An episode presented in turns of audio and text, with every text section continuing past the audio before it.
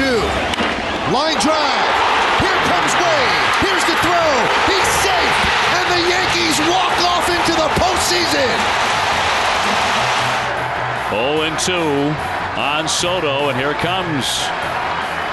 Breaking ball struck him out, and the Red Sox have won the top wild card position. They knock off Washington. They sweep the series. Het reguliere MLB-seizoen zit erop en de playoffs gaan eindelijk beginnen. De strijd om de laatste tickets to the postseason was spannend tot de laatste dag. Aan het eind van het seizoen sta je daar waar je hoort te staan. Na 162 wedstrijden kunnen we eindelijk de balans opmaken en voorbeschouwen op de playoffs die vanavond al beginnen. Welkom bij de Just a Bit Outside podcast, de Sport Amerika MLB podcast. Mijn naam is Mike van Dijk en ik ben hier met Jasper Roos. Hola. En Sander Grasman. Hoi hoi. Sander, gefeliciteerd. Je team zit in de playoffs.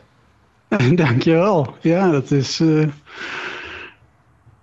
Ja, dat uh, was krap aan. Maar als je achteraf kijkt... Uh, we hadden een goed, goed programma aan het einde van het seizoen. Want ik denk als het iets zwaarder was geweest die laatste weken... dan waren het, was het ons niet gelukt. Maar gelukkig waren de Nationals ons niet onwelgezind.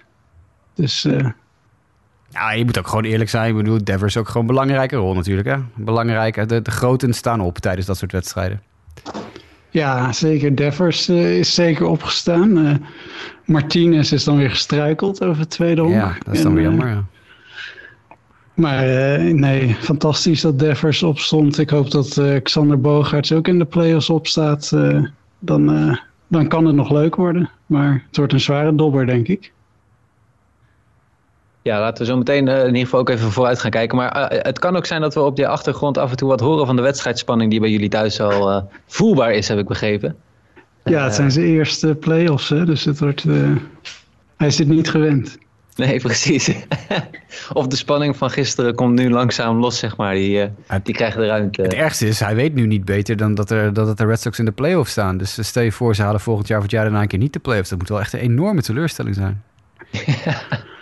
Ja, ik, uh, ik neem aan dat hij gewoon uh, als World Series kampioen in zijn eerste jaren Zo, ingaat. Dat is, uh, dat is nogal een, nogal een voorspelling, meneer Gasman. u, u, hoort het, u hoorde het hier first, zeg maar, zullen we zeggen. Precies, precies. Maar voorspellingen gaan we straks ook nog even naar kijken van hoe we dat begin van het seizoen al ongeveer hadden ingeschat en waar we zijn uitgekomen. we moeten ook even nog bij iemand anders stilstaan van de, van de podcast crew. Dat is namelijk Justin Kevenaar. Want die is vandaag jarig. De grote 3-0. De grote 3 ja, de grote 3-0. Hij, ook hij heeft hem aangetikt. En, het begin uh, van het einde. Ja, ja, ook dat, ook dat, ook dat. Maar vanuit, uh, vanuit, uh, vanuit deze ja, studio, geïmproviseerd zeg maar, wensen we jou in ieder geval een fijne dag. En feliciteren we jou met je verjaardag, Justin. je kan er flink op losgaan. En de, de wrange smaak van het mislopen van de Seattle Mariners playoffs plaats, ja, die kan je vandaag goed doen vergeten met, uh, met je eigen verjaardag. Ah, joh, Justin is al twee uh, maanden aan de alcohol vanwege de Mets. Dus wat dat betreft, dat... Uh... Ja, dat is ook weer waar. Dat is ook weer waar. Nee, want laten we nog heel even terugblikken op die, op die race. Hè. Uh, met name de wildcard races waren spannend. Uh, ik zit even te kijken, de laatste keer dat wij een podcast hebben opgenomen... waren volgens mij de divisiewinnaars zo ongeveer wel set. Of in ieder geval de... de West, de NL West. Want die is natuurlijk gisteren ook pas beslist. Uh, Dodgers ja. en Giants. Zullen we daar beginnen? Dat is goed. Laten we dat doen. Ja, dat was natuurlijk een, spannende race tussen de San Francisco Giants en de Dodgers inderdaad. Uh, die uiteindelijk in het voordeel is uh, uh, gevallen van de San Francisco Giants. Die sinds 2012 de eerste keer de Los Angeles Dodgers van de troon hebben weten te stoten. En ja, de NL West hebben gewonnen. Dat is toch wel een hele knappe prestatie. Nee, dat hebben we toch allemaal voorspeld voor het seizoen? Ja, dit hadden we, dat hadden we dit zien aankomen. Volgens mij had iedereen de Giants. Precies. De, de, Volgens ja, mij hadden alle Giants-fans niet eens de Giants. Dus dat is... Uh, ja. Het, het, het, was een, ik, ik moet wel zeggen, het, het is wel bijzonder. Hè? 107 overwinningen. Dit is echt uh, nog steeds een, uh, ja, een beetje het Leicester City-achtige scenario, om maar zo te beschrijven. Ik vind het mooi hoor. Ik bedoel, als je blijft winnen, dan blijf je winnen, punt. Nou, nou, nou mogen ze voor mij ook afmaken en meteen de World Series halen. Dat lijkt me leuk. Ja, nou, en eh, het was wel uh, belangrijk ook in het laatste weekend dat ze in ieder geval nog de Dodgers voor wisten te blijven. Want de Dodgers kwamen nog zeer, zeer dichtbij. LA moet daarentegen de, de, de wildcard game gaan spelen. De ploeg tegen wie ze dat moesten doen, die was ook al enige tijd bekend. Namelijk dat zijn de St. Louis Cardinals gewonnen, geworden. En uh, ja, rond de trade deadline hebben wij nog wel onze vraagtekens gezet bij de spelers die toen gehaald zijn. Maar uiteindelijk heeft St. Louis toch wel redelijk de tweede helft van het seizoen koers gehouden richting die, die playoff plaatsen. Nou, toch behoorlijk kunnen zij... leunen op een goede offense ook natuurlijk. Hè? De paar jongens die heel heet werden. Tyler O'Neill, die zich die, die club een tijdje gedragen heeft. Dus dat is... Ja, het is, uh, nou ja, goed. Voor het, voor het seizoen hadden meerdere in onze podcast hadden de Cardinals in de playoffs voorspeld. Dus dat is in ieder geval uh, gelukkig dankzij een uh, bloedhete maand september uitgekomen. Een, een, een record-setting maand, toch? Ook dat nog, ja. Hoe vaak op rij? 17 keer? Club, 17, clubrecord? Ja. ja. Ja, de laatste twee wedstrijden gingen wel verloren. Ik, ik, weet niet of de lucht er nu uit is gelopen, maar daar gaan we het zo meteen nog even uh, over hebben. Milwaukee won uh, natuurlijk de, de NL Central. En de Atlanta Braves die wonnen de NL East. En die gaan als divisiewinnaar uh, door. De Philadelphia Phillies. Hadden we ook goed, toch? de Braves. Heel veel van de ons. De Braves, even kijken. Oeh, even kijken, wat hadden we allemaal voorspeld? De East, moet ik even opzoeken. Ik, nou... Ik zit hier even te kijken. Uh, jij had hem goed voorspeld. Jij had hem goed voorspeld. Hans had hem goed voorspeld. En Sander, ja, jullie hadden hem goed voorspeld. Ik zit hier met een stel Han, kennis. Hans, is... Hans, is een Braves-fan, dus dat is niet zo verrassend, denk ik. Ja, maar toch, toch je, moet het, eh, je moet het wel goed hebben. Er waren ook veel, uh, veel Mets-aanhangers, waaronder ik zelf, uh, die dachten dat de Mets wel hoge ogen zouden gaan gooien. maar ja, de Braves, zoals jullie het, jullie hadden het al zien aankomen inderdaad. dus ja, weinig verrassend. Uh, dus daarmee was het uh, de field set. Maar inderdaad, de, uh, ja, de spanning was er in de, in de NL eigenlijk al vorige week uit. Toen waren de plaatsen zo'n beetje, beetje bekend. Een stuk spannender was het in de American League. Waar we met name in de wildcard race een, een ontzettend spannende race hadden.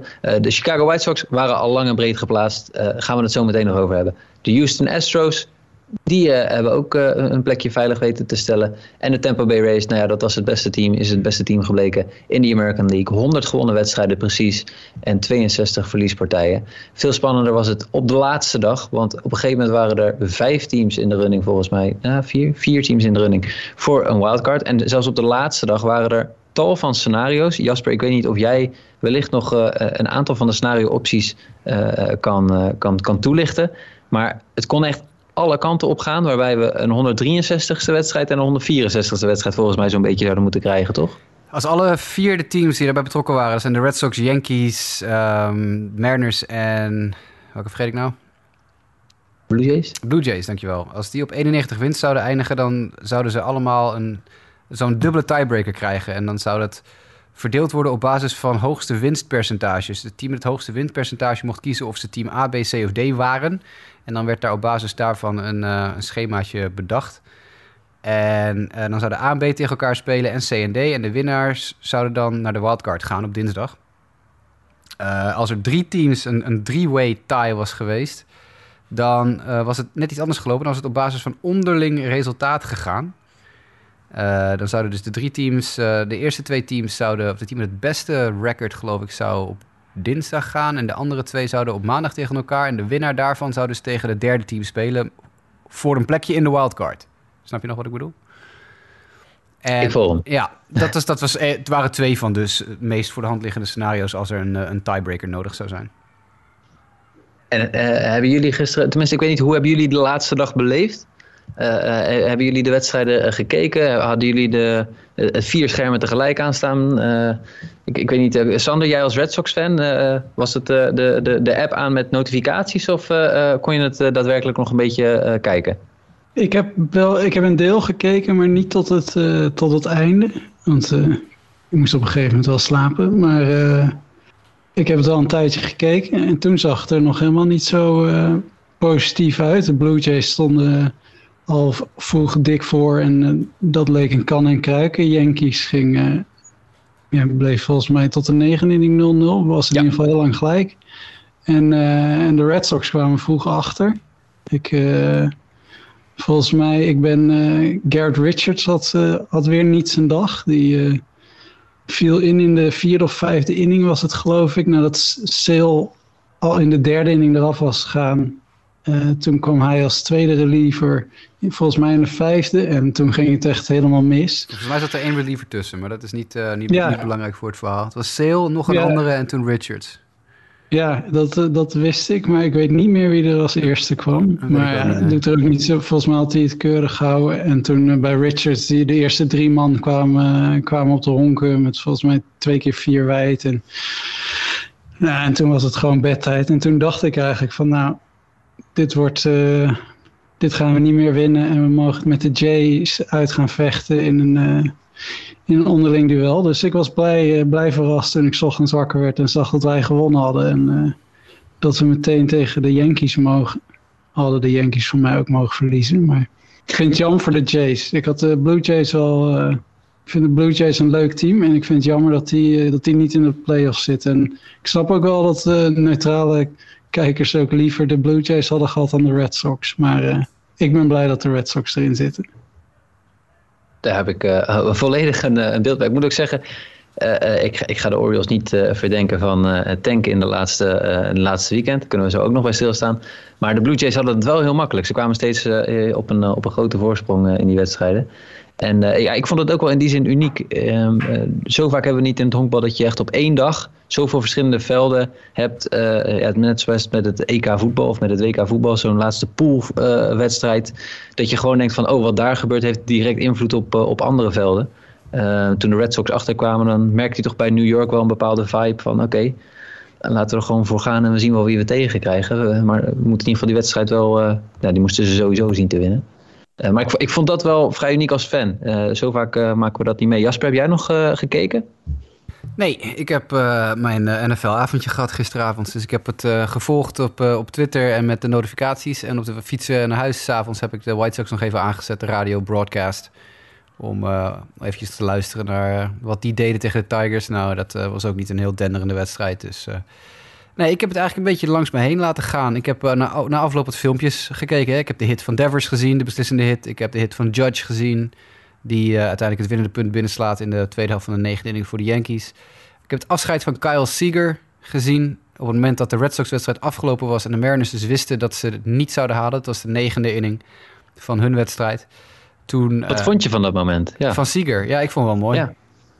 Ik, eh, ik vond het, ja, ik heb niet zoveel met Kyle Seager. Ik vind het, ja, een leuke honkballer, maar ik heb niet, zoveel, niet echt veel met hem. Maar ik vond dat wel een mooi moment. Is een jongen die gedraft is door de Mariners, die opgeleid is door de Mariners en dan vanaf 2000, wat is het, 2011 al in de major speelt, tien jaar bij dezelfde club.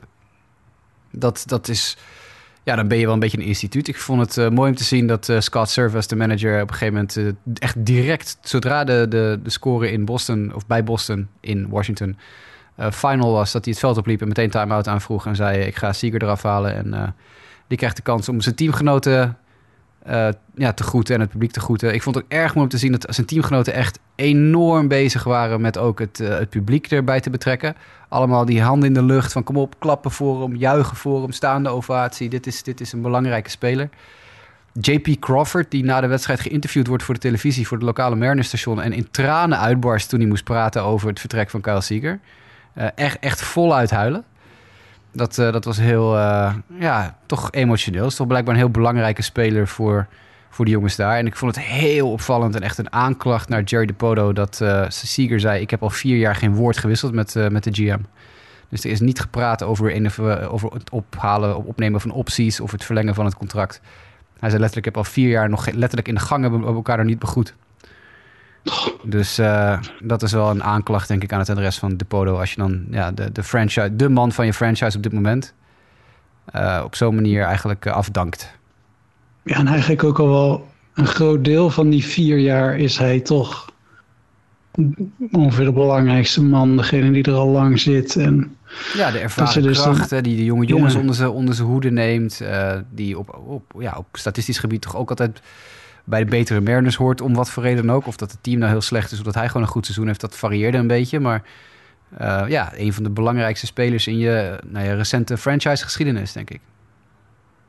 Het lijkt me fysiek ook gewoon rete lastig om vier jaar niks tegen iemand te zeggen. Als je ze zo naast elkaar werkt, zeg Ja, maar. Toch? letterlijk in de gang dus niet. Hij, zei, hij is letterlijk gezegd, in de gang groeten we elkaar niet eens. Dus, dus Nee. is, eh, ik weet niet wat daar wat daarachter zit. Maar goed, Seager is pas eh, in spring training of 33? zo, weet je wel. 33 is hij, Ja. geloof ik.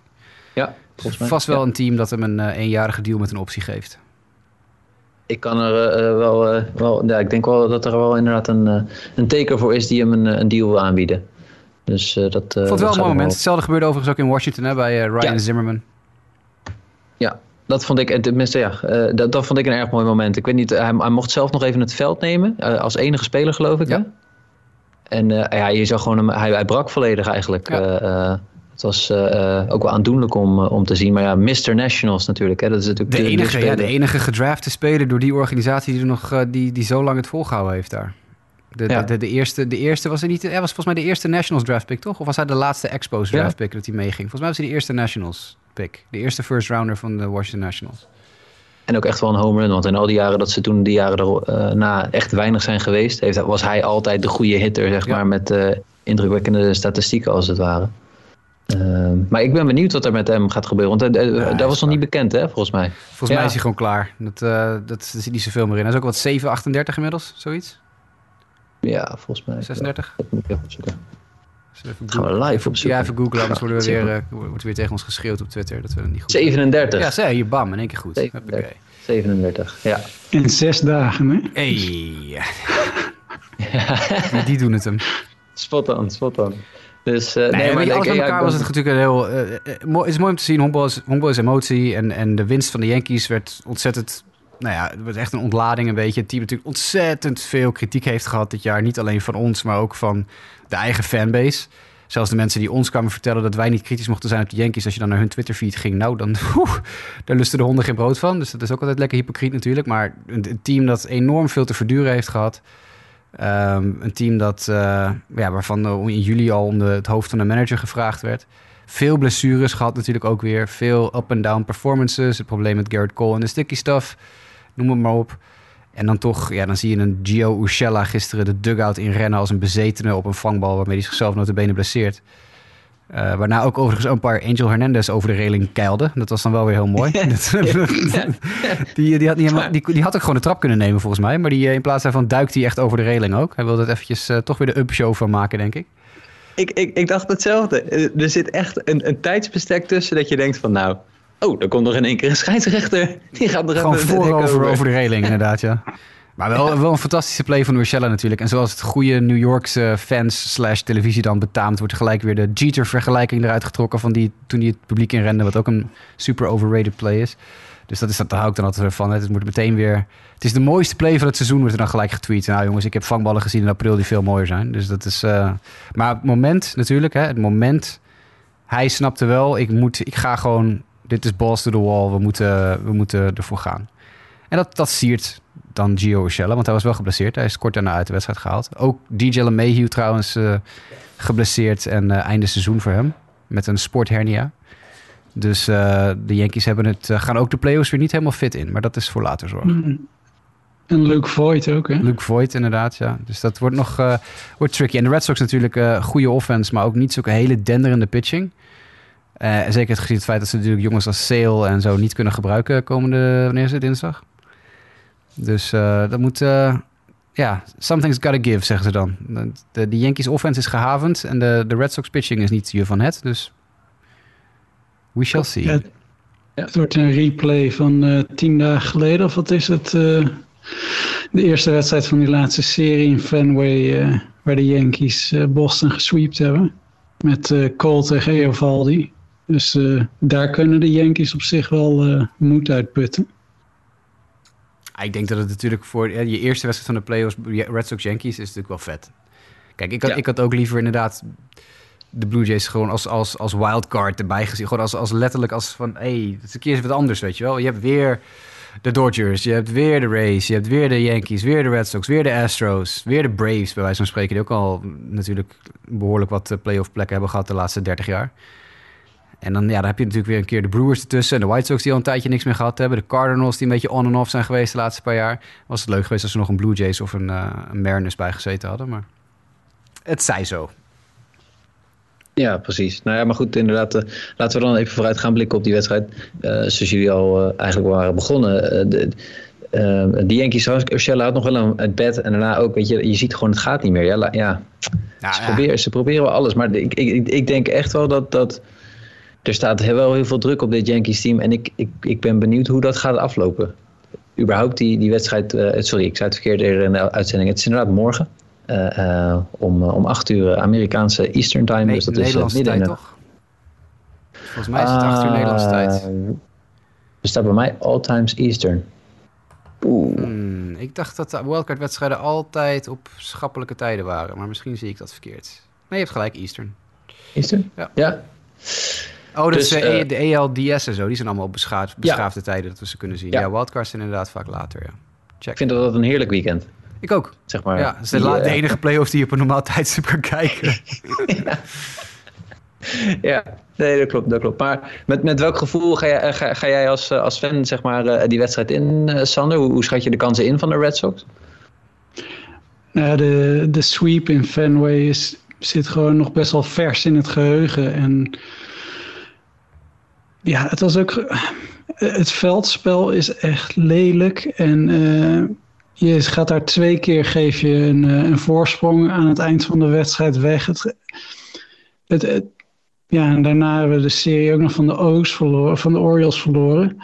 Het, het is echt dat we van de, de Nationals dan die, die laatste serie alles gewonnen hebben, dat je er nog bent. En, en je mist gewoon een beetje. Ja, JD Martinez is niet helemaal zeker. Ja, die struikelde dus over het tweede honk. Voor de mensen die het niet gezien hebben, toen hij naar het rechtsveld aan het eh, hobbelen was met zijn eh, enorme snelheid. Dus dat is echt, ik denk, een van de meest lullige on-field blessures ooit. En het is dus maar de vraag of hij er is. Nou, Bogarts is er wel, maar is er eigenlijk ook niet. Die ging volgens mij 1 uit 11 in de serie tegen de Yankees. Dan komt wel heel veel bij Devers te liggen en eh, van de topspelers. En ja, ik weet niet. Ik ga er niet met heel veel vertrouwen in. Maar eh, ja, het is één wedstrijd. En eh Eovaldi was die laatste wedstrijd slecht. Was hij na een paar innings al weg. Veel runs tegen die eerste innings. Maar in principe is hij vaak goed tegen de Yankees. Cole was toen wel weer goed. Maar die is eigenlijk de laatste tijd weer niet zo super in vorm. Dus ja, het kan eigenlijk beide kanten op. Ik heb ergens het idee dat de Rays blij zijn dat ze niet tegen de Blue Jays hoeven, maar tegen de Yankees of de Red Sox. Maar ik weet niet of jullie daar ook zo tegenaan kijken. Ja, het enige wat ik hopeloos kan laten is waarschijnlijk inderdaad de psychologie dat de, Red Sox wel extra gemotiveerd zullen zijn tegen de, tegen de Yankees, denk ik. Eh, veel meer dan dat niet. Eh, ik, ik, ik vind het wel bijzonder. Hè? We hebben natuurlijk jaren gehad dat, dat het altijd de, twee beste teams, of eh, in ieder geval de, twee hele sterke teams waren. En je krijgt nu ergens een beetje het idee dat het de lam en de blinden tegen elkaar zijn. Wie dan zeg maar de, de, de postseason in, eh, in mag. Ik heb de Yankees nu de laatste week wel een paar keer een wedstrijd gezien. Eh, de pitching, met name de, de, ja, de relievers en dergelijke, die weten wel redelijk hun, hun taakjes te volbrengen. Eh, maar ja, weet je, als Cole gewoon eh, morgen zijn ding doet, hè, dat, maar dat klinkt heel makkelijk, maar als hij zijn ding doet, ja, dan, dan, zijn, dan zijn ze door daarna. Maar de overige startende werpers, ja, ik heb daar heel weinig vertrouwen in. En gisteren ook tegen de, zeker tegen een team als de Rays, eh, eh, ja, dan vind ik de Rays toch gewoon een stuk beter. Die eerste twee wedstrijden ook, man. Ja, ik, ik, zie, ik, ik, heb, geen- ik heb in beide teams geen vertrouwen dat ze heel ver gaan komen, als ik eerlijk ben. nee, nee ik, denk, ik denk dat deze twee teams het, eh, het gaan afleggen tegen de Rays. Dus dat het voor beide eigenlijk uitstel van executie is. Maar ja, ze kunnen me allebei verrassen. En als, als de Red Sox deze doorkomen, dan... Ja, nou de pitching is eigenlijk gewoon niet echt goed genoeg van Boston om het de Rays echt heel moeilijk te maken, vrees ik. Dus ik... eh, Nee, ik, ik denk dat de Yankees winnen, maar ook als de Red Sox wel winnen, dan vrees ik dat het een lastig verhaal gaat worden met de Rays. Jasper, jij? Eh, ja, ik, ja. Eh, ik, ik denk, ik, ik sluit me wel een beetje bij Sander aan. Ik denk dat, eh, hè, dat het een beetje een kwestie wordt van de lammen tegen de blinden. maar het, ja, de, de wildcard is een wildcard. Je hebt het vorig jaar gezien met de Marlins en de Cubs, weet je nog wel. Dat is, dat, dan ga je ook een wildcard-serie en dan denk je van, nou, dat, is- dat weten we ook hoe het afloopt en het loopt dan ook anders. Dus het is gewoon even, ja, het is één wedstrijd. Het kan, één, één speler kan een geweldig moment hebben en het is, eh, het, is afgelopen. Dus ik, ik focus me dan altijd liever meer op, eh, op de, de, de series erachteraan. Omdat je daar misschien iets nuttigere dingen over kan zeggen. Maar ja, we zullen het woensdagochtend wel zien. Weet je? En, en je blik op de race dan, wat dat betreft? Ja, de race, Die- die- ja, die zijn goed, jongen. Dat is, eh, Ik ben benieuwd, ik ben vooral benieuwd naar de playoff rosters. Want die zijn, geloof ik, de deadline is 10 uur vanavond, eh, Amerikaanse Dat tijd. zal zoiets zijn. Ja, Zeg ik even uit mijn dat hoofd. kan. Dat kan goed. Eh, ja. Dus midden in de nacht hier. Ik ben vooral heel erg benieuwd wie de race op hun playoff roster gaan zetten. Gaan ze Shane Baz op de playoff roster bijvoorbeeld zetten? We hebben hem van de week zien gooien en het was fantastisch. Zoals ook in de podcast besproken een paar weken geleden toen hij opgeroepen werd. Nou ja, dat, dat geeft de race natuurlijk ook weer een, een boost als ze zulke jongens eh, op het roster hebben staan. Je had nog een unieke stat over het team dit jaar, hè? Ja, nul ejections. Het is de eerste keer in de franchise geschiedenis van Tampa Bay Race dat er niemand uit de wedstrijd gestuurd is. Het hele seizoen niet. Dus dat vond ik wel een mooie stat. Als je natuurlijk zo goed bent, dan hoef je het natuurlijk ook niet, eh, niet zo eh, boos over te zijn.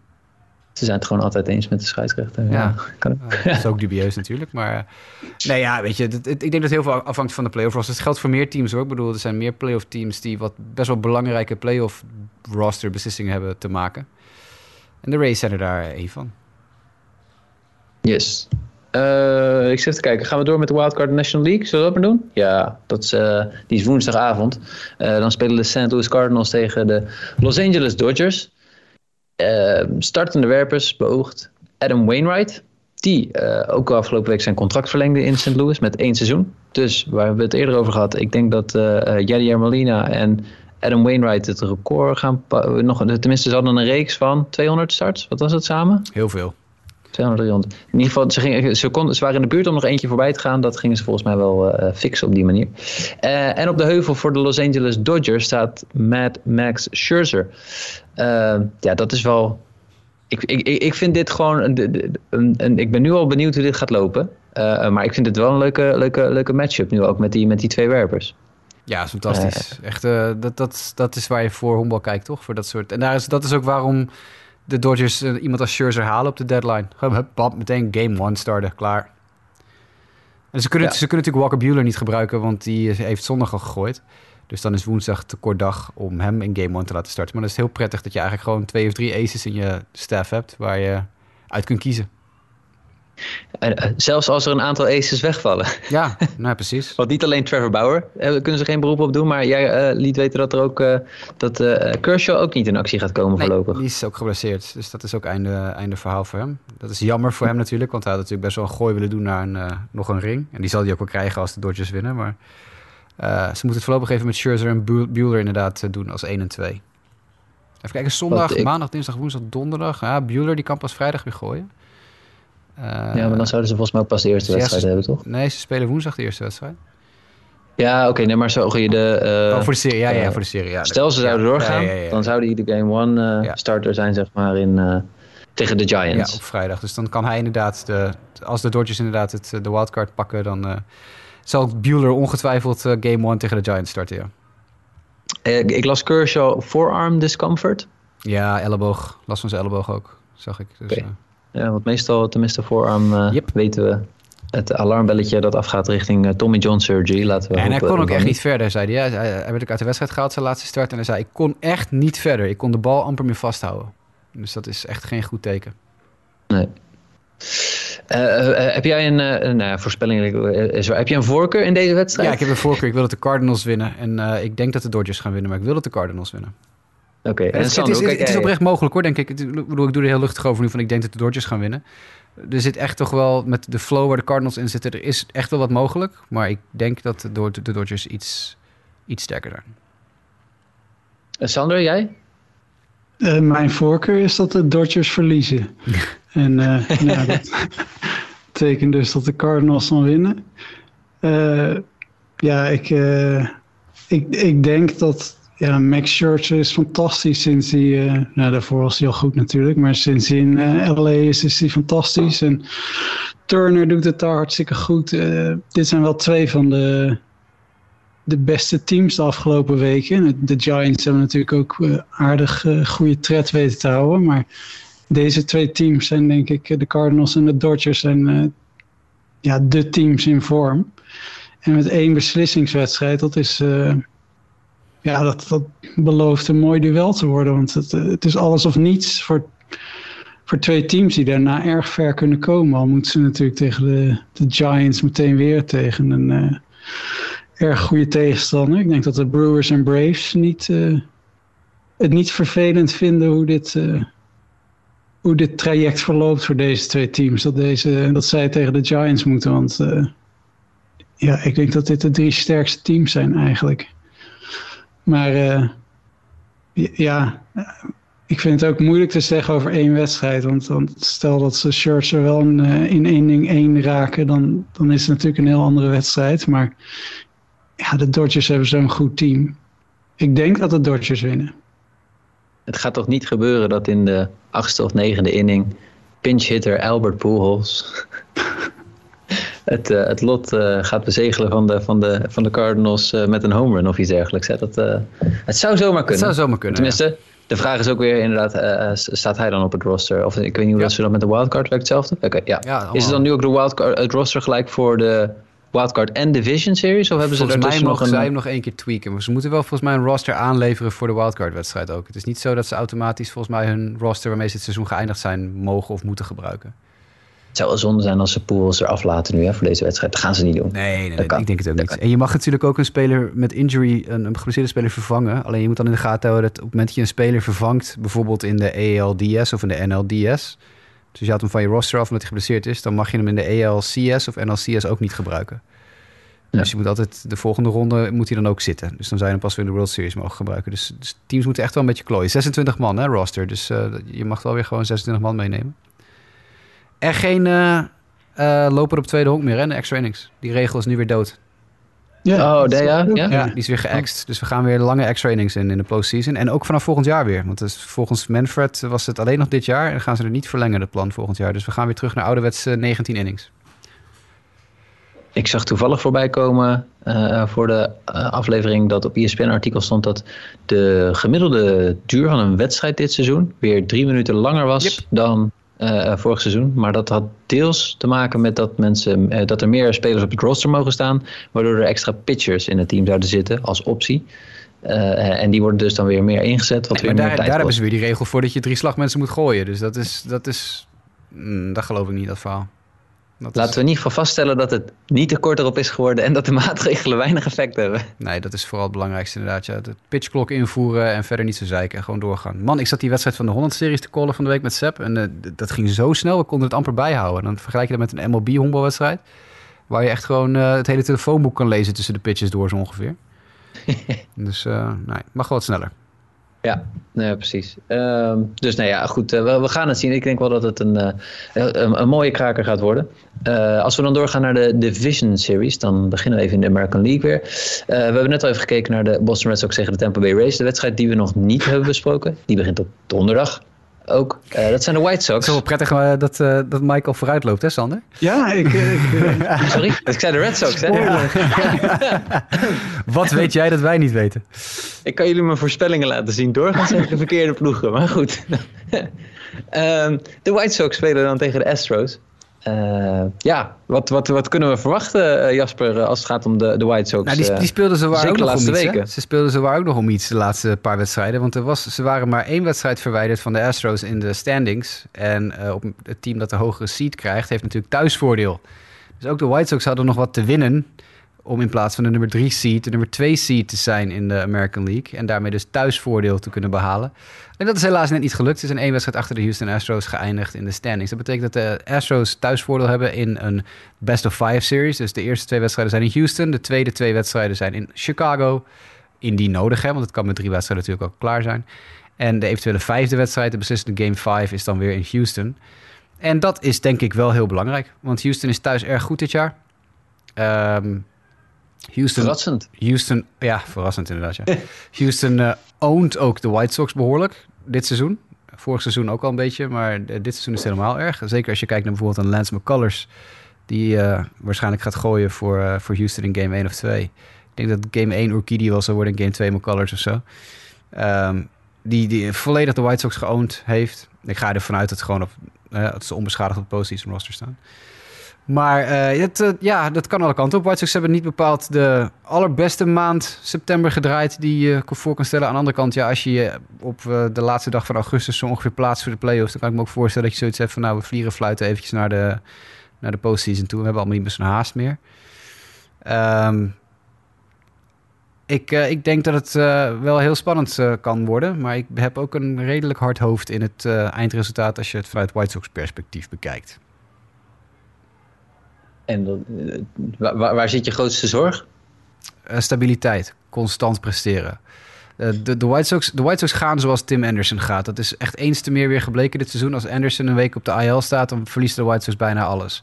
Als Anderson een paar dagen even rust krijgt omdat hij wat last heeft van zijn hamstrings, de, de offense komt niet op gang.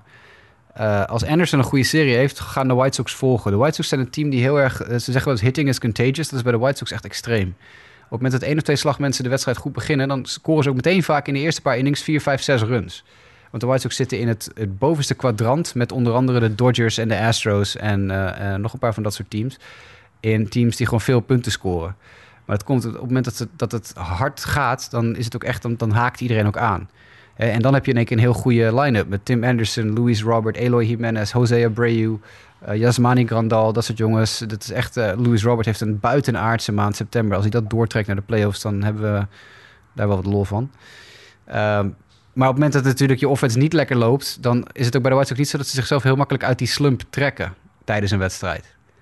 En daar maak ik me een beetje zorgen over. Kijk, daar komt natuurlijk nog bij. De pitching heeft best wel behoorlijk veel innings gegooid. Uh, er, wordt, er stond net op internet dat er getwijfeld wordt of ze Lance Lynn of Lucas Giolito in game 1 gaan gooien. Ik zou Giolito doen, dat heeft hij wel verdiend. Niet dat Lynn het niet verdiend heeft, maar Giolito zit er al wat langer. Uh, dus dat is ook nog iets om in de gaten te houden. Carlos Rodon natuurlijk ja, niet 100% fit. Zijn laatste start die hij had uh, na een paar dagen rust... omdat hij last had van zijn schouder, was ook niet heel denderend. Gooide ineens geen 97 mijl per uur, maar maar 91 mijl per uur. Dat is ook wel een verschilletje. Dallas Keuchel gaat naar de bullpen, is al bekendgemaakt. Die heeft dit weekend zijn eerste outing in de, zijn bullpenrol gehad... en werd helemaal kapot gebeukt door de Tigers. Dus dat is ook helemaal niks meer. Dallas Keuchel is uh, ook stuk. Daar heb je ook niet zoveel meer aan. Dus dan kom je al gauw dan op... Ja, dan kom je terecht bij Giolito, Lin en Cease. Nou ja, die zijn allemaal heel goed. Maar die moeten ook wel op hun allerbest zijn. En die offense moet klikken. En als, als dat gebeurt... En dat hebben we gewoon niet genoeg gezien de laatste paar weken. De offense was gewoon nooit 100%. En dat is, dat is waar het op vast zit. En de Astros hebben natuurlijk wel een heel goede maand september gedraaid. Zijn wel allemaal redelijk goed in vorm. Dus ik denk daarom dat het best wel tricky wordt. Houston thuis heel goed, White Sox uit niet goed. Niet zo goed. Nou ja, dan was dat thuisvoordeel was leuk geweest. Maar helaas. Voor hetzelfde geld uh, sweepen ze de Astros natuurlijk 3-0. Maar ik denk dat dat... Uh, ja, dat is een beetje het nadeel van de White Sox. Je kan er niet echt een pijl op trekken. Het kan ontzettend goed zijn een week lang. En het kan in één keer echt... Iedereen kan gewoon in slaap staan. Dat, uh, ik moet zeggen, ik denk dat het vrijdag of zaterdag was dat ze echt zo'n high energy win ook hadden. Maar dan zie je ook echt het complete team er volledig in meege. Uh, nee, die knokpartij uh, met de Tigers van vorige week heeft wel wat losgemaakt. En toen speelden ze wel behoorlijk, uh, behoorlijk goed een paar dagen weer. Dus misschien was dat de wake-up call die ze even nodig hadden. Ja. Dus. voor de mensen die dit niet gezien hadden, Jose Abreu werd geraakt weer, door, een, door een, een werper. en maakte daarna een sliding op het tweede honk. Waarbij die ietsje te veel misschien op de man was. Nee, uh, dat, maar niet oh, echt oh, specifiek. Oh, nee, nee, nee, nee, nee. Nu moet je nu, niet liegen, Mike. hij heeft de man niet geraakt. Hij, was aan de binnen, nee, hij heeft aan de buitenkant van het honk geslide op het honk. Maar hij heeft hard op het honk geslide. Dus vrij laat zijn sliding ingezet. Maar hij is niet in de buurt geweest van Goodrum, de, de honkman. Alleen Goodrum was een beetje aan het zeuren. En toen zei Abreu, ja, je moet je mond houden, want jullie gooien iedere keer op mijn sodemieter. En dat klopt ook. De Tigers hebben hem behoorlijk vaak geraakt dit jaar. En hij is sowieso, is Abreu vaak geraakt dit jaar. Uh, en toen was er even wat duw- en trekwerk. Maar het was absoluut niet omdat hij op de man slide. Dat wil ik wel even heel duidelijk hebben. Er waren wat zeurende ja. Tigers nee, ja, hij ging op het. Maar hij, de, hij is, de, de, de, de, Tigers radio broadcast was echt heel gênant om naar te luisteren. Want die hebben gewoon niet eens naar de play gekeken. Die hebben gewoon uh, maar wat geroepen om wat uh, stennis te trappen. dat was even een, een duw- en trekpartij, een trekpartijtje. Dat, dat is prima. Fijn dat de Tigers ons even wakker geschud hebben. De, de, de sliding was inderdaad op het honk. Maar Abreu is een grote man, dus zeg maar daarom ook zoiets van... Ja, nee, je hoorde het, het ook op de microfoon hoor. Je hoorde hem echt op het honk binnenkomen. Ja. Dus, uh, dat was de, echt wel, het was een harde sliding. Maar hij is niet in de buurt geweest van de honkloper. Die had wel even uh, niet zo moeten zeuren. Van de honkman. Wat mij trouwens opvalt, uh, en daar heb ik eigenlijk niet zo eens zozeer stil bij gestaan... is maar hoe goed is eigenlijk die Houston Astros offense wel niet? Ja, het meeste runs scored. tweede in OPS in de league. Dat ja, is wel ze zijn heel goed. En ze zijn thuis ook gewoon heel sterk. Ze hebben ze hebben voldoende pitching waarschijnlijk om, om, dat, uh, om het in ieder geval iedere offense moeilijk te maken. De Astros zijn echt wel een van de, ja, toch wel favorieten denk ik voor een World Series titel. Ik denk als het, als het Race Astros wordt in de, in de ALCS, wat natuurlijk best wel kan, dan heb je dus de nummer 1 tegen de nummer 2 seed. En dan zijn misschien zelfs de Astros wel dieper dan de Rays. Déjà vu all over again, net ja, als vorig jaar. Ja, precies. Ja. Hey, het, is, het is een ontzettend goede ploeg. Dat is, en Dusty Baker, laten we even wel weten. Dusty Baker heeft een... eh, ja, waar hij het vandaan haalt, weet ik niet. Maar ik bedoel, Dusty Baker en Tony La Russa... die met z'n tweeën bij elkaar opgeteld, ik geloof 190 jaar oud zijn... die hebben toch wel behoorlijk eh, eh, goed gedaan dit jaar. Ja. Cranky ABC hebben ze trouwens toch in de bullpen. Maar het is eigenlijk ook wel opvallend dat die twee managers eh, dit presteren. Waarbij er toch ook wel altijd heel veel, nou ja goed, nog wel eens negatief werd gedaan over de oudere managers. Eh eh, tijd voor nieuwe, eh, jongere managers en dergelijke. Maar het is toch opvallend dat dit soort ervaren managers dan toch de, weer in de playoffs weten te, Ja, te raken. Maar met het zijn ook wel hele goede teams, hè? Die er ook Ja. al, Moet ook al stonden voordat eh, deze mannen van respectabele leeftijd erin stapten. Dus eh, ja, maar ze weten wel misschien wat win is. Er komt wel iemand binnen, hè, met eh, een dik advocaat of een Tony La Russa, maar... eh, die advocaat. ik, eh, het, het zijn sterke selecties. En ik vind het ook wel mooi om te zien, niet dat ik per se een zwak voor me heb, dat Carl Tucker echt gewoon een Ja. goed jaar heeft gehad. Zeker. leek toch een beetje, ja, leek eh, een soort eh, make-or-break periode aan te komen. En eh, dit jaar gewoon een van de betere spelers. En Juli Guriel, eh, waar ik altijd wel een zorg voor blijf houden, omdat ik hem in Nederland actief heb gezien. die ook gewoon ja, betting champ is. Die, hè? en, gewoon een heel goed seizoen. 37, volgens mij de oudste speler die voor het eerst betting champ wordt sinds Barry Bonds. Volgens mij las ik dat vandaag ergens in een artikel. Wat ik dan wel weer opvallend vind dat Barry Bonds Ja. het niet eerder had. Dat, eh, Maar eh, nou ja, dit, is dat is, hij is natuurlijk ook een van die jongens, Guriel, die, waar die offense om draait. Weet je, dat is... eh, en Korea goed, hè? Ja, die gaat, die gaat misschien als- naar de Tigers, hoorde ik trouwens. Die is free agent eind van dit jaar. En het schijnt dat de Tigers echt ontzettend veel interesse hebben in Korea. Dat is natuurlijk de AJ Hinch-connectie, denk ik. Dat, Ah, ja. dat zou van de Tigers toch ineens wel weer een serieus team voor volgend jaar maken. Maar goed, dat is een ander punt. Eén zwaluw maakt nog geen zo. Nou, Nee, nee, natuurlijk niet. Nee, weet je maar. Het was een geinig statistiek wat ik even in wil gooien. Een paar White Sox georiënteerde statistiekjes. Eh, Tim Anderson is de eerste speler in de geschiedenis die drie jaar op rij 300 of hoger slaat. Of iets dergelijks. Dat tweet ik ook alweer van de week. En de White Sox hebben meer dan 6600 pitches gegooid dit jaar die 95 mijl per uur of harder waren. En daarmee zijn ze 1500 pitches boven de nummer 2 in dat lijstje. Dus er zitten wel wat vlammenwerpers in die pitching rotation en bullpen. 6600 pitches van meer dan 95 mijl per uur. Dat is echt wel heel veel.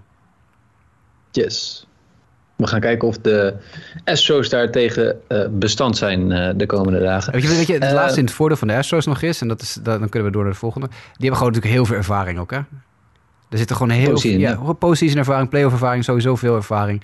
En dat gaat je echt helpen in dit geval. Ik bedoel, hoe je het ook went of keert, de White Sox hebben wat, wat ervaring op het gebied van honkbal spelen. Maar het is niet zo dat Jose Abreu nou heel veel playoffs heeft gespeeld in zijn periode bij de White Sox. Om precies te zijn, dit is de tweede keer. En na vorig jaar. En hetzelfde geldt voor Tim Anderson. Hetzelfde geldt voor Johan Moncada. Maar intussen lopen er ook gewoon een soortje rookies rond. Die, die ook een bijdrage moeten leveren. Uh, dus die ervaring van de Astros is denk ik heel belangrijk voor ze. Ten opzichte van vorig jaar staan de White Sox er nu wel beter voor dan toen tegen Oakland, toch? Zeker. Ja, dit team had vorig Ja. jaar Oakland verslagen. Ja. Ja, ja. Alright, dan gaan we naar de National League. En daar hebben we natuurlijk ook allerlei wedstrijden die nog gespeeld gaan worden. Maar dan beginnen we even met de Braves tegen de Brewers. Die wedstrijd begint vrijdag. Vrijdag beginnen de eh, eh, National League eh, playoffs ook maar, zeg maar, de Division Series ook. en dus dan zal er al vroeg honkbal zijn. Ik gok vanaf een uurtje of zeven Nederlandse tijd, meestal. ja, zeven uurtjes, Eh, zeven, acht, ja, zeker. En de Braves hebben al bekendgemaakt dat Charlie Morton namens hun op de, op de heuvel staat. Eh, en voor de Brewers is het nog niet bekend. Gokje? Woodruff of Burns, een van de twee. Ja. Wat kunnen we verwachten van de serie tussen de Braves en de Brewers? Spanning, denk ik. Ik, ik neem aan dat Jackie Bradley Jr. op gaat staan en dat uh, OPS Plus van hem. Eh. ja, Eh, Nou, ik denk dat die teams best wel behoorlijk aan elkaar gewaagd zijn. Dat, ik denk dat de, de beide pitching staffs elkaar niet zo heel gek ver ontlopen. En de beide offenses eigenlijk feitelijk gezien ook niet. Braves natuurlijk niet op, op volledige sterkte. Die missen natuurlijk Acuna nog steeds. Uh, maar ja, ik, nee, ik denk dat dit een heel spannende, heel vermakelijke serie kan worden. Een beetje vergelijkbaar misschien met uh, Reds Braves vorig jaar. Wat ook een heel spannende serie was. Ja. Alleen toen was, de, de, toen was het vooral close ook door de pitching. Tenminste, ja, de, uh, Ja. Cincinnati eh, scoorde toen weinig. Maar ik, weet niet, ik, denk, ik heb nu dat ik eerder, eerder gevoel dat het de andere kant op kan slaan. Nou, ik bedoel, dat, eh, je hebt de twee Cy Young finalisten bij Milwaukee in de, in de eerste twee wedstrijden. Ja, En, dat is ook en zo. ik bedoel, Morton en Anderson en zo, dat zijn ook allemaal geen koekenbakkers. Ja, en het, het valt me op. Ik zit op de baseball reference eh, pagina van de teams. Heb ik even openstaan. Dat aanvallend is het toch allebei. Blijft het wat achter een beetje als je bedenkt dat het eh, twee van de betere teams zijn. Dat, dat, dat er heel veel ondergemiddeld geslagen wordt. eh. de Braves hebben natuurlijk al eh, Eddie Rosario gehaald. Die hebben zich wel goed versterkt nadat Acuna wegviel. Uh, breaking breaking news, ik. boys. Breaking news. Luis Rojas ontslagen bij de Mets. Ah, kijk. Sorry, daar ging ik even tussendoor, maar ik zie het langskomen. Dus dat moest ik even melden. Gaan we zo nog verder op in, Ja. toch? Of gaan we, Maak of je verhaal, maak je verhaal gelijk? Nee, maak je verhaal af, ja, ja. Ja, dat, dat, de, de Braves hebben zich heel goed versterkt eh, nadat Acuna wegviel. En ze waren niet fantastisch gestart, liepen de hele tijd een beetje achter de 500 grens. Zaten er volgens mij de hele tijd wat, net wat onder. En eh, de Mets zaten er natuurlijk, liepen de hele tijd wat voor. En toen Acuna wegviel, had ik in ieder geval het idee van, nou, dat, is, eh, dat zou wel eens het breekpunt kunnen zijn. Maar ze hebben heel goed het opgepakt rond de transfer deadline. Een paar goede versterkingen voor het outfield, waar ze nu echt de vruchten van plukken. En eh, ja, het helemaal omgedraaid. En de Mets zijn natuurlijk, eh, nou ja, het is niet zo gek dat Rogas ontslagen is, denk ik. Die zijn natuurlijk ingestort, wat, wat de weg open heeft gelegd voor de Braves om eh, in de zwakke NL East boven te komen drijven. Maar ik ben vooral benieuwd wat Ozzy Albies gaat doen, want eh, die heeft toch ook een heel mooi seizoen gedraaid. Misschien wel de nou, Kenny Jans heeft natuurlijk ook een goede namens de Koninkrijksspelers. Maar offensief weet ik niet of er iemand het beter gedaan heeft dan Elbies. Wordt het, wordt het in die zin ook... Nee, ik- hadden het er net eh, even over. Maar wordt het een beetje een redo met Cincinnati? Omdat de Brewers vergelijkbaar zijn. Misschien wel een beetje met Cincinnati vorig jaar? Ja, ze zijn misschien iets beter dan Cincinnati vorig jaar. Maar het zijn heel vergelijkbare situaties, denk ik, waar je in zit. De Braves natuurlijk niet heel veel veranderd sinds vorig jaar. En ehm, ja, de, Brewers draaien ook op een paar echte ja, jong, aanvallende jongens die eruit springen. En twee of drie heel goede pitch pitchers. Ze missen natuurlijk Devin Williams. Dat is een heel, heel pijnlijke situatie natuurlijk. Dat eh, hun ster reliever eh, tijdens het feestje vieren van de, het plaatsen voor de playoffs... een, eh, een muurtje gestompt heeft en zijn hand gebroken heeft. En daardoor de playoffs gaat missen. Het is natuurlijk flauw om te zeggen wat een knuppel, hè? Maar goed. Nee, ja, maar het is, het is wel natuurlijk een beetje zo, hè? Ja. Dus, Ja. nee, ja, dat, het is, het, ik denk dat het een hele leuke serie wordt. Ik heb, in, die, in die serie heb ik heel veel zin om te kijken. Ik denk dat het echt heel spectaculair kan worden. ja, ik denk dat het ook echt eh, bij de kant... Hebben jullie een voorkeur? Sander? Ja, ik hoop stiekem een beetje op een eh, Fred McGriff World Series met, eh, met Braves tegen de Rays. Dus dan eh, moet ik hier voor de Braves zijn. Maar echt een heel sterke voorkeur heb ik niet. Ik gun het Aussie wel, maar ik gun het de Brewers ook wel. Ik heb meer met deze twee teams dan met de andere drie. Maar ik vrees dat die andere drie weer sterker zijn. Laat het de Braves maar worden. Oké. En jij, Jasper? Ik heb eigenlijk niet zo'n heel erg grote voorkeur. Ik had het liefst gezien dat deze twee teams allebei door zouden gaan. Maar doe mij dan maar. Ik heb altijd, altijd iets met de Brewers gehad. De Brewers altijd een soort van mijn NL-team geweest. Dus eh, daar blijf ik dan maar bij. Kijk, helemaal goed, helemaal goed. Moeten we nog heel even, want jij zei net uh, Luis Rojas ontslagen. Uh, uh, ja, eh, eerste reactie. Wat gaat er door dat was niet, dat was niet te lachen. nee, ja, dit zat eraan te komen, toch? Eh, ja. ja. Hij blijft, hij blijft misschien aan in een functie, staat hier. Hm. Ja, Sorry, ik zit nog, nee, ik zit nog want- even de press release te lezen over Rogas, maar het is, eh, hij mag misschien aanblijven in een andere functie. Ik weet, ik weet niet in welke mate we het seizoen ook echt eh, hem de schuld kunnen geven van eh, eh, de prestaties van de Mets. Nou, hij heeft Eh, natuurlijk niet zijn clubhouse eh, heel erg goed onder controle gehad, gezien de, de relletjes en het, eh, het, het eer- Nee. eerst het geruzie onderling, vervolgens het geruzie met fans en de media. Dat, eh, dat is een, de taak van een manager om daar als bliksemafleider te fungeren. En ik denk als we niemand, als we iemand niet hebben gezien dit jaar, op de momenten dat het nodig was, was het Luis Rogas. Dat is wel waar. Dus Ja, nu- dat is mijn visie. Nu ook. ik, ik blijf nu ook wel een lastige markt vinden, ook voor de Mets, want je hebt altijd gedoe. Maar inderdaad, hij was wel uh, relatief anoniem. Ja, hij heeft niet, niet op de juiste momenten, denk ik, het, de bliksemafleider van zijn team geweest. Dus hè, je kan zeggen wat je wil, maar bijvoorbeeld een LaRussa die een paar keer natuurlijk in het nieuws is geweest op een manier dat we allemaal over hem praten alsof hij seniel is. Maar op die moment heeft hij wel alle aandacht afgeleid van het team, zeg maar. Dus dat heeft de Rogas niet gedaan. Dus daardoor krijg je die situaties dat iedereen eindeloos blijft vragen stellen over de, het Red Raccoon incident en de, de, de ruzie die uh, Javi Baez en Frankie Lindor met de fans hadden. Dus. Maar ik denk wel dat je een uitdaging krijgt om een goede opvolger. Nou, niet zozeer dat hij goed was, maar om een goede manager voor de Mets te vinden. Want uh, qua uh, roster zitten daar gewoon uh, wel wat stevige persoonlijkheden in uh, die je goed moet kunnen managen. Ja, we hebben natuurlijk een paar weken geleden nog over gehad dat een ontzettende puinhoop het bij de Mets is geweest dit hele jaar. Die is om de, om de week weer in het nieuws met een of ander negatief iets dat niks met het team te maken heeft. Dan heeft er weer iemand gezopen en die zegt het stuur gekropen. Dan heeft Steve Cohen weer allerlei domme dingen op Twitter geslingerd.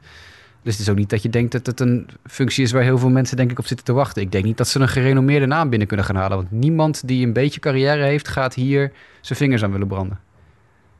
Ja. Dus dat wordt weer een, dat wordt een Jay Stingler, Louis Rogas-achtige hire weer. Iemand die jong en uh, ja, relatief on, uh, onbewezen is misschien.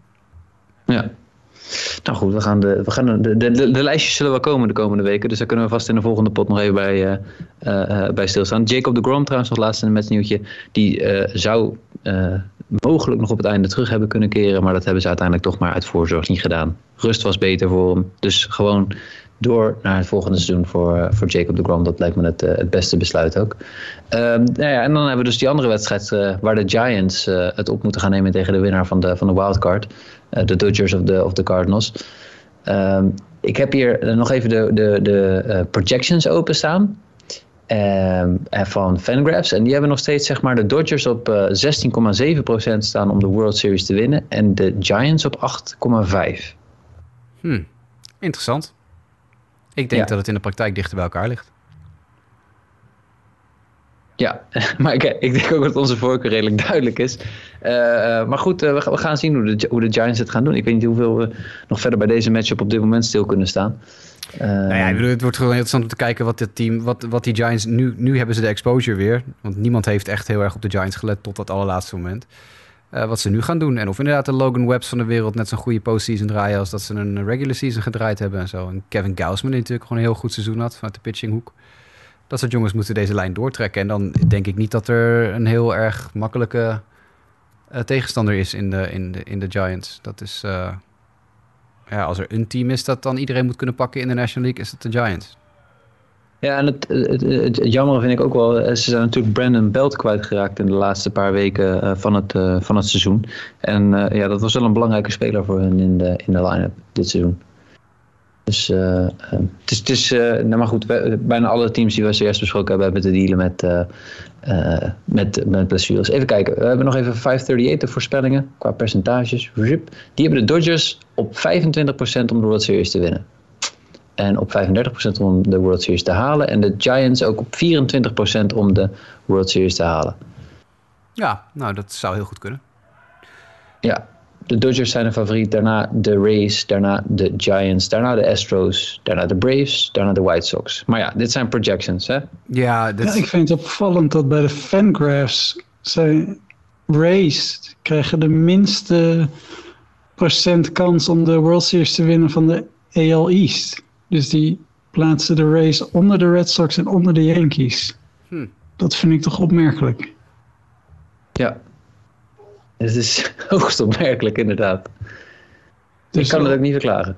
Nee, om het maar in perspectief te zetten, wat projections. Uh... Ja, weet je, dat is natuurlijk allemaal. Het percentage, net zo goed als wij voor het seizoen natuurlijk uh, de divisions lopen te voorspellen. Dat doen we ook meer met het idee van, ja, we gaan natuurlijk niet precies voorspellen dat iemand derde of vierde in de divisie wordt. Want voor hetzelfde geld finishen ze één wedstrijd in de omgekeerde volgorde. Maar het is meer een indicatie van hoe goed we denken dat teams zijn. Hè? 34% is natuurlijk gewoon een indicatie van, nou ja, oké, ze zijn x procent beter waarschijnlijk dan een, andere, uh, een ander team. En bedoel, zeker in die eerste, die ALDS en de NLDS, dat zijn natuurlijk zulke korte series. Ik bedoel, dat is een, dat is een best of five. Je kan drie, twee, drie dagen je dag niet hebben en het is afgelopen. Ja. Ja. Dat klopt, dat klopt, dat klopt. Nou goed, we gaan, het, uh, we gaan het zien. Ik weet niet, ik heb niet heel veel meer over deze zaken te bespreken. Uh, wat we nog wel hebben staan, even kijken, zijn er nog verder nog opvallende dingen die jullie hebben? Qua nieuwtjes van dit, dit, dit moment, uh, predictions. Van, we kunnen nog even kijken naar de prediction, predictions van voorafgaand aan het seizoen. Nou ja, maar daar ik, ik, ik wilde nog wel even iets zeggen over dat ja, Diamondbacks de first round overall, de first overall pick ja. hebben verspeeld door gisteren nog eventjes een walk-off win te doen. Ik, uh, dit was inderdaad. Uh, ik, ik heb dit volledig waargenomen. Sterker nog, dit is, dit is het meest intense moment dat ik ongeveer beleefd heb dit seizoen van de, van de Diamondbacks. Nee, de meest nutteloze walk-off overwinning. Sterker nog, ik denk dat je een beter niet had kunnen hebben. Maar goed, dat is. Uh... Nee, ik zat er eigenlijk vanaf vrijdag volledig in dat te rekenen van: oké, we moeten dus zeg maar niet alle wedstrijden meer winnen. Want dan kunnen we, tenminste.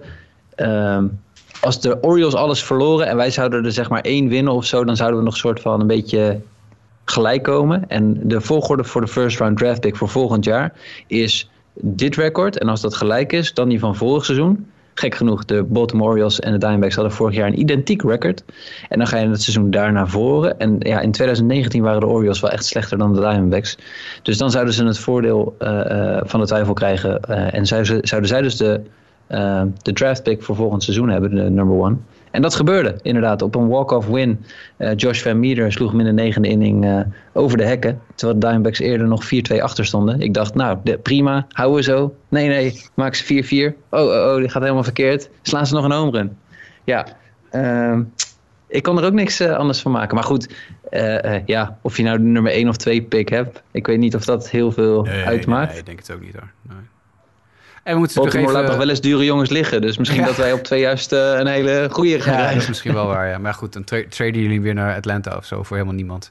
Maar dat is een ander punt. Dat is een oude koeien, oude koeien uit de sloot. Um, wat we ook nog niet genoemd hebben volgens mij... is dat het er sterk gerucht ging gisteren... dat Jace Tingler ontslagen was bij de San Diego Padres... door meerdere van ons al gepikt als... Uh, Manager of the Year kandidaat in de National League. En John Heyman onder andere bracht gisteren naar buiten dat de, de, de Padres hem eruit zouden knikkeren. Dat hebben de Padres inmiddels weer ontkend. Maar waar ook is, is vuur, zullen we maar zeggen. En er was iets van een bericht dat het prematuur was, toch? Ja, precies. Oftewel, het is, niet, het is niet, niet zo, maar nee, het bericht, het bericht is uh, prematuur. Oftewel, het moet... We gaan maandag evalueren en dan precies. aan het einde van het overleg is het bekend. Ja. De, de foetus van het idee moet nog een klein beetje groeien. Maar uh, hoe dan ook uh, gaat hij eraan, denk ik hoor. Dat, uh... Ja, dat, dat, dat verwacht ik ook. Ja, toch wel de, de, teams die het meest opvallen bij onze predictions waar we ernaast zitten. Iedereen had San Diego op een wildcard. Nou ja, ja. wie niet? Nou, wie niet, ja. Dus daar zaten we er allemaal flink naast. De andere opvallende was, heel veel hadden Minnesota natuurlijk als, als wildcard team. En dat pakte ook volledig anders uit dan, dan wij alle hadden gedacht. Maar goed, de andere kant op schoten de Mariners en San Francisco Giants. Die het natuurlijk een stuk beter ja. deden dan wij voorafgaand aan het seizoen hadden voorzien. Mochten er mensen zijn die dat anders hadden gezien, knap. Ja, wel goed denk ik allemaal. Astros, White Sox, ik denk dat we allemaal de Yankees slash Red Sox... of in ieder geval de Yankees in een soort van playoff rol hadden. Be het wildcard of be het divisiewinst. Ja, we hadden allemaal de Yankees die de divisie zouden winnen. Ja. Dat is toch wel... Ja, nee, maar dat, dat, eigenlijk klopt dat ook helemaal niet. Hè? Want wij zeiken altijd alleen maar de Yankees af. Dus dat, dat, is, uh, ja. dat is fake news dat wij allemaal de Yankees hadden gepikt aan het begin van het jaar. Had ook te maken met dat op dat moment Blake snel natuurlijk net weg was gegaan bij tuurlijk, de Tampa Bay Rays. Ja, ja, zeker. En dat Morton, was, Morton was weg. Ja. Dus dat is... Uh, ja. Dat, ja. nee, dat heeft er allemaal mee te maken gehad natuurlijk. Ja, wij kunnen natuurlijk ook niet, uh, niet ruiken dat uh, de Rays in hun minor league systeem inmiddels ongeveer elk kampioenschap hebben gewonnen. Dus uh, dat, dat blijkt dat daar een pipeline zit van heb ik jou daar. Uh, wat hadden we verder nog meer goed? Even kijken. Cardinals hadden een paar van ons dan goed. Sander en ik in ieder geval. Uh, Rockies onderaan of Rockies laag hadden we denk ik allemaal wel goed. National, Nationals. Dat volgens mij is, uh, Mike en ik hadden daar twee verschillende dingen. Ik had ze heel laag staan en jij had ze hoog, hè? Nee, andersom. Of ja, ik had ze hoog. Ja, ja, ik had ze hoog. Sorry. Ja. ik, had, ik had ze zelfs op de wildcard staan. Ja, precies. En ik had ze volgens mij laatste dus, of ene laatste in de divisie. Dat is ook redelijk uitgekomen. Ja, ja. Ja, en uh, ja, Philadelphia was er ook moeilijk uh, in te schatten. Want die hadden we ook allemaal niet als tweede. Tenminste, er was één team die ze als tweede had. Maar de rest had ze eigenlijk ook wel als nummer drie of vier. Nummer drie, ja. Ja, ja Bryce Harper, mogelijke MVP hoor. Ja. Echt serieus. Dat uh, gaat tussen hem en Tatis, denk ik. En dan heeft Harper, heeft Harper het probleem dat Tatis natuurlijk een beetje de golden boy van MLB is. Dus, maar die heeft een jaar gedraaid ja. hoor, die Harper. Poepoe. Zo. Nou, ongekend wel. Wat wil jij zeggen, Sander? Nou, dat Soto heeft ook zo'n... eh, Ja. Dat had ik helemaal niet zo op mijn netvlies staan. Maar die... Ik zat even de statistiek hoe vaak ze op de honken zijn gekomen. En hij, hij is iets boven de 300. En dan de nummer 2... Dat was... Nou, misschien was dat Harper, dat weet ik niet meer. Ik zag dit vandaag voorbij komen. Die zat op 270 en de nummer 3 stond dan op 250. Dus het is echt gewoon zo'n procentueel zo'n groot verschil. Die gast kom, is gewoon bijna niet uit te krijgen. Echt een eh, fantastische speler. Maar, Hij heeft, ja. eh, even kijken hoor, hij heeft nu 464 MLB-wedstrijden onder zijn riem. Eh, hij heeft het op twee na hoogste OBP van, elk, van welke speler dan ook in de afgelopen 90 jaar over zijn eerste 464 wedstrijden. Weet je wie de andere twee zijn? Ted Williams en Frank Thomas. Williams had over zijn eerste 464 wedstrijden een OBP van 473. Goedemiddag. Thomas 441 en Juan Soto 432. Dus dat is eh illus- Jezus. illuster gezelschap. Maar Soto. Soto inderdaad ook fantastisch. Maar ja, ik, ik zie echt geen MVP komen uit een team zo slecht als de Nationals. Sorry hoor, dat eh, zie ik gewoon niet. Maar hij heeft een hoger, weighted run- runs created plus dan Tatis. Dus Toen we ook een beetje denken aan de, eh, Juan Soto, eh, een soort King Felix in zijn Mariners tijd. Als in de zin Ja. van eh, de beste speler op het team, maar ja, het team doet verder niks. Dus ja, ja, inderdaad. eh, dat, eh, dat helpt ook verder niet mee. Eh, ik had nog de, de GM van de Rockies. De Rockies zijn blijkbaar Ja. tevreden over de huidige GM. ja, Mike Schmidt volgens mij. Eh, Zoiets, dus die mag blijven. Ja, en de, eh, eh, eh, de Diamondbacks en de Orioles hadden wel allebei het contract van hun managers verlengd. Dus ook dat. ook dat nog. Ja. Ja. Ja. Nee, volgens mij eh, zitten we er dan op. Zijn we klaar eh, voor, voor de playoffs? Ja. Voor het begin ervan. Eh, een overall winner nog? Laten we de, predictions. predictions. Je, weet hoe je het kan wegen op basis van wat we net hebben gezegd. Dus ja, je kan altijd zeggen wie je denkt. Of, of willen we nog net een rondje wachten? Even kijken. Nou, dan ga ik even uit van, oké, dan al mijn winnaars. Ik denk dat... Oeh. We vullen de bracket nu live in. Ja, Toch? Bos- We vullen hem live in. Boston gaat New York verslaan. En ik weet niet waarom, maar dat is een voorgevoel. Eh, dan Tampa Bay, Houston. mm. oh, dat wil ik echt niet. Oké, nou ja, oké. Ehm, Je gaat niet Hmm. Houston Dodgers voorspellen, Ja, toch? dat- ik ben- ik zit eh, ga ik niet meer kijken. nee, nee, ik zeg eh, eh, Houston aan de EL-kant tegen... Maar dit hangt, ja, dit hangt allemaal af van de playoff rosters natuurlijk hoor. Zeker bij die teams. Maar goed, oké. Houston tegen... Oeh, doe mij dan maar... Oké, verstand of hart? Eh, de Giants. En de winnaar? Houston. Gadverdamme. Nou ja, oké. We kunnen dit eruit knippen en dan mag je morgen wat nieuws opnemen. Dan. Oké. Nee, ik, eh, weet ik veel jongens. Sander, jij nog? Ik denk dat de Yankees van de Red Sox gaan winnen en daarna verliezen van de Rays. Ik ga gewoon voor de White Sox die winnen van de Astros. Iemand, moet het dan- doen, dankjewel. En dan gaan de Rays winnen dan van de White Sox. Ja. Rays in de World Series. Die nemen het op tegen Brewers verslaan de Braves. Eh, Dodgers verslaan Giants. Dodgers verslaan Brewers. We krijgen een rematch, Rays verslaan Dodgers. rematch van vorig Ja. jaar met een andere winnaar. Ja, Wauw. daar kom ik dan wel op uit. En jij, Mike? Eh, ehm, ja, ik, ik zeg dat New York gaat winnen. Hoewel ik me eerder versprak, maar goed. Eh, New York gaat winnen. Eh, dan gaat Tampa Bay door. Ik ga voor de White Sox. Pff, Jongens, Maar goed, dat is misschien veel thinking. vertrouwen, ja. Ja, ik, ik ben hier vaker de mis mee ingegaan. De Rays gaan wel de- door naar de World Series. En eh, aan de National League kant worden het de Dodgers, de Giants eh, en dan Braves, Brewers wordt Braves. Dan heb je de Braves tegen de Giants als finale in de NLCS. En dan gaan de Giants winnen. Dan wordt het Rays Giants. Daar kan ik prima mee leven. Rays Giants kan ik prima mee leven. Ja, ik ook, zou Ehm, ook kunnen. Ik moet het dan trouwens... denk ik Ja, ga door. Dat dit keer de Rays gaan worden. Wauw, jullie allebei de race, hè? Ja. Hoe dan ook hebben we alle drie dus een American League winnaar. Dat zal helemaal lachen. Uh, Dennis Jansen, uh, de vaste luisteraar is wel bekend, die vroeg mij van de week. Uh, ik heb natuurlijk een paar, weken, een paar jaar geleden heb ik hem heb ik in de podcast gezegd. Let op dit team om nog wat als, als gevaarlijke outsider voor de eventuele gokkers. Dat waren toen de Washington Nationals, die uit het niets toen de titel wonnen. En Dennis heeft er toen flink wat geld mee gewonnen. Die vroeg mij van de week: hey, ik heb nog wat geld om in te zetten. op, wie, op wie moet ik het inzetten? Waar ik een beetje geld mee kan verdienen. Dus nou ja, Dennis, als je goed geluisterd hebt, dan zou je in ieder geval... Dus mijn pick is de Astros, dus dan maar ik me voorstellen dat je dat niet wil. Ik ga toch voor een heel gevaarlijke outsider. Het zou mij toch misschien ook misschien niet heel erg verbazen als de Brewers uit het niets komen. Dus als je nog ergens een keer lekker geld op wil zetten... en ja. een outsidertje wil kiezen... Er is echt wel een kans dat de Brewers, nou, als ze de Atlanta pakken, dan krijgen ze eventueel de, een van de twee NL West teams waarschijnlijk. Het is niet onmogelijk.